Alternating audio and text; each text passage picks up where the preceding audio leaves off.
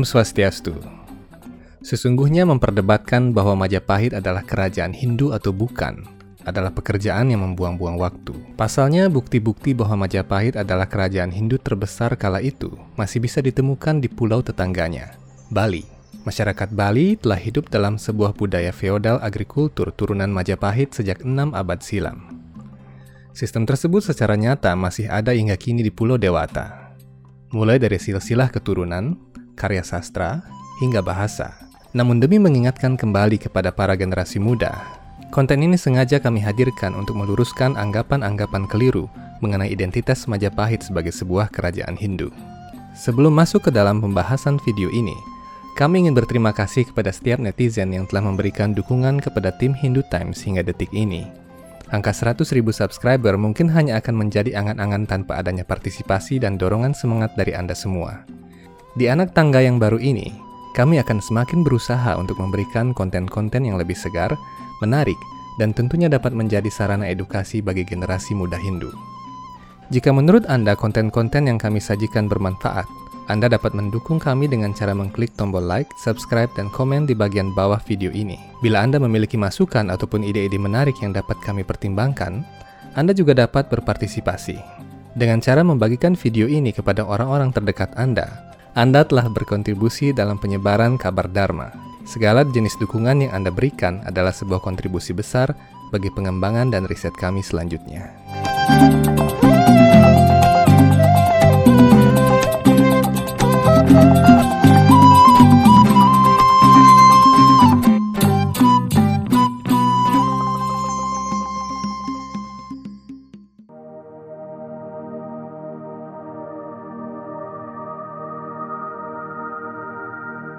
Dapat dinyatakan secara umum bahwa Bali adalah satu-satunya tempat di mana Majapahit menurunkan sebagian besar kemurnian DNA budaya dan agamanya sebelum masa-masa sekaratnya di awal abad ke-15. Raja-raja Bali kala masa kemunduran Majapahit adalah raja-raja yang berjaya dengan sistem pemerintahan yang relatif stabil dan mapan dibandingkan dengan situasi politik Majapahit kala itu.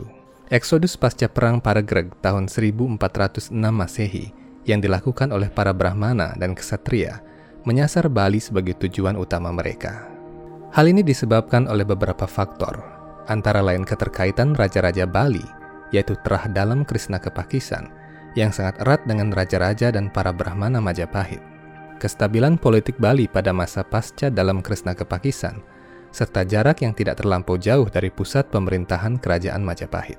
Namun, Meskipun banyak bukti telah menyatakan bahwa Majapahit adalah sebuah kerajaan Hindu, bahkan dinyatakan sebagai kerajaan Hindu terbesar di Asia Tenggara pada abad ke-13 hingga abad ke-15, masih saja ada beberapa pihak yang meragukannya dan memutarbalikkan sejarah dengan mengatakan bahwa Majapahit bukanlah kerajaan Hindu. Ada pula beberapa pihak yang entah mendalami riset jenis apa yang menyatakan bahwa pusat kerajaan Majapahit ada di Bali Utara. Walaupun sepintas terdengar lucu, Tafsiran-tafsiran sejarah yang tidak memiliki dasar historiografis, hermeneutik, dan verifikasi sejarah ini dapat menyebabkan pudarnya pemahaman generasi muda mengenai lini masa sejarah Hindu di Nusantara. Untuk meluruskan anggapan tersebut, Hindu Times mencoba merangkum beberapa bukti sederhana yang dapat menepis anggapan yang mengatakan bahwa Majapahit bukan kerajaan Hindu. Pertama, bukti bahwa kerajaan Majapahit adalah kerajaan Hindu bisa dilihat dari kesusastraan. Contoh kecil bisa diambil dari kakawin Banawasa Kartanakung. Kakawin yang dibuat pada abad ke-14 ini mengisahkan tentang upacara serada bagi Ratu Gayatri yang diadakan di ibu kota Majapahit. Dalam kakawin yang paling pendek tersebut, terdapat frasa yang berbunyi, Mangke Murtinira Cinarwan Apaga, yang artinya, sekarang wujud pratimanya diberikan persembahan sesuai tata cara agama. Apabila kala itu Majapahit bukanlah kerajaan Hindu, Bagaimana bisa mereka melakukan upacara serada dengan memuja pratima atau arca dan membuat persembahan dari susu dan mentega cair? Bagaimana bisa sebuah kerajaan non-Hindu bernama Majapahit mengundang dalam ketut ngulesir Raja Bali yang jelas-jelas beragama Hindu untuk menghadiri upacara serada di Trowulan? Naskah Banawa Sekartanakung adalah naskah yang dibuat secara langsung oleh Empu Tanakung ketika beliau benar-benar menyaksikan peristiwa tersebut. Beliau menyatakan pada kolofon kakawinnya, Aku sangat takjub pada pemandangan upacara yang sangat megah ini. Dengan menulis di sebuah karas berbingkai emas, Aku berharap kakawin ini diterima oleh Paduka Raja yang bagaikan payung dunia.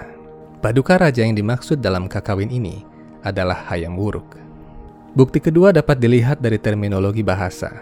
Sekitar 60% kosakata bahasa Kawi atau lumrah juga dikenal dengan sebutan bahasa Jawa kuno adalah kosakata bahasa Sanskerta. Keruntuhan Majapahit juga adalah keruntuhan bagi bahasa Jawa kuno. Bahasa tersebut dinyatakan sebagai bahasa mati oleh beberapa kalangan sejarawan, Walaupun nyatanya bahasa ini masih digunakan di Bali sebagai sebuah bahasa yang dinamis, sakral, dan aktif dalam kebudayaan Bali. Pemakaian kata Prabu sangat dominan dalam penyebutan nama raja. Jika Majapahit adalah sebuah kerajaan non-Hindu, maka tentunya penyebutan gelar rajanya akan berbeda. Kemudian dari begitu banyak naskah kesusastraan yang berhasil dipelihara dan diteliti, tidak ada satu naskah pun yang tidak mengacu pada kebudayaan Weda yang identik dengan Hindu. Sementara itu, naskah-naskah, terutama naskah tatwa atau filsafat agama di zaman Hayam Wuruk hingga sebelumnya, adalah naskah-naskah yang memiliki corak Vaisnawa, Tantra, Siwaisme, Buddhisme, Ganapatya, dan Saiwit yang merupakan jalur karma kanda dalam catur beda, dengan mengedepankan mantra, tantra, dan yantra, serta pemujaan kepada arca. Ini jelas-jelas adalah kebudayaan Hindu. Ketiga, dari peninggalan yang masih ada dan silsilah keturunan, bukti Majapahit adalah sebuah kerajaan Hindu, dan Gajah Mada adalah seorang Hindu, sudah tidak bisa dimungkiri lagi. Sebagai contoh, prasasti Gajah Mada, yang juga dikenal dengan prasasti Singasari, adalah salah satu bukti yang kuat mengenai apa agama Gajah Mada. Dalam prasasti tersebut jelas disebutkan bahwa Gajah Mada memprakarsai pembangunan candi bagi mendiang Raja Kertanegara. Dalam prasasti itu jelas disebutkan banyak istilah Vedik seperti posisi naksatra atau bintang, nama hari, dewa utama, dan sebagainya yang hanya digunakan lumrah dalam hala hayuning dewasa bagi umat Hindu di Jawa dan Bali. Apabila mereka tidak beragama Hindu, maka mereka tentunya tidak menggunakan tahun Saka tidak menyebutkan nama-nama dewa-dewa naksatra, dan tidak melakukan upacara pemberkatan candi atau penstanaan arca. Bukti keempat, kita dapat melihat bukti lain bahwa Majapahit adalah kerajaan Hindu dari sistem pemerintahannya. Majapahit mengenal sistem pemerintahan kerajaan dengan Dewan Penasihat Raja yang disebut Dharma Diaksa.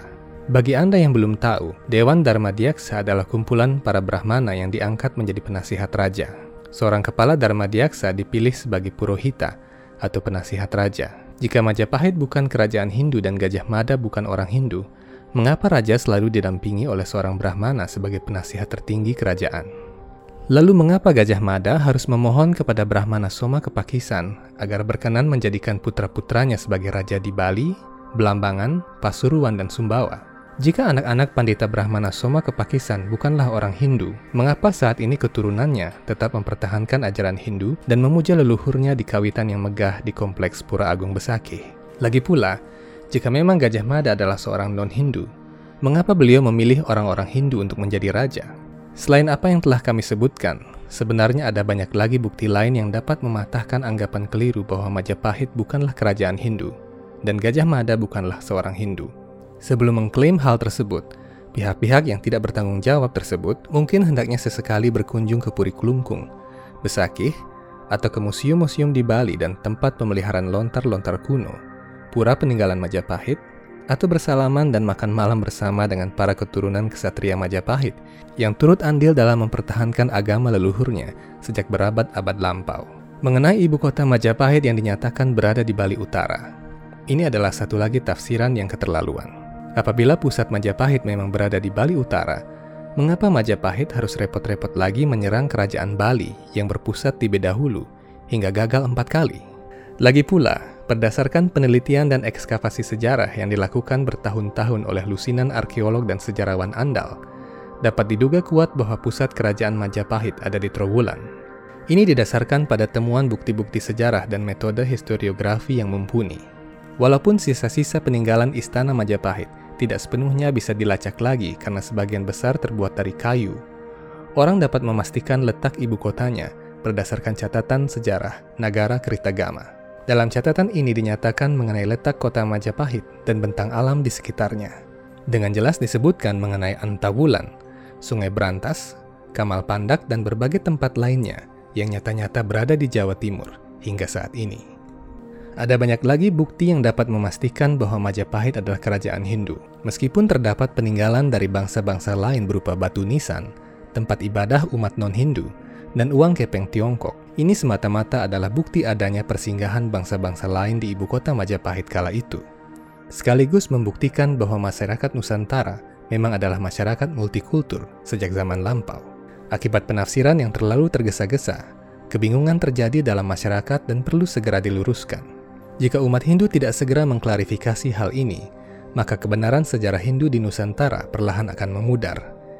Ini tentu sangat disayangkan dan akan berdampak pada serada dan bakti umat Hindu kepada leluhur dan ajaran agamanya. Tatkala berbicara tentang kerajaan Majapahit, mungkin ada sebuah nama yang akan terbesit di benak Anda. Nama yang begitu terkenal di seantero Nusantara dengan kegigihan dan ketangguhannya. Ia adalah Gajah Mada Kemasyuran dan keagungan Majapahit memang tidak lepas dari hasil tetes keringat dan darahnya. Seperti apa kisah kesatria agung yang bahkan disegani oleh Kebu Iwa tersebut?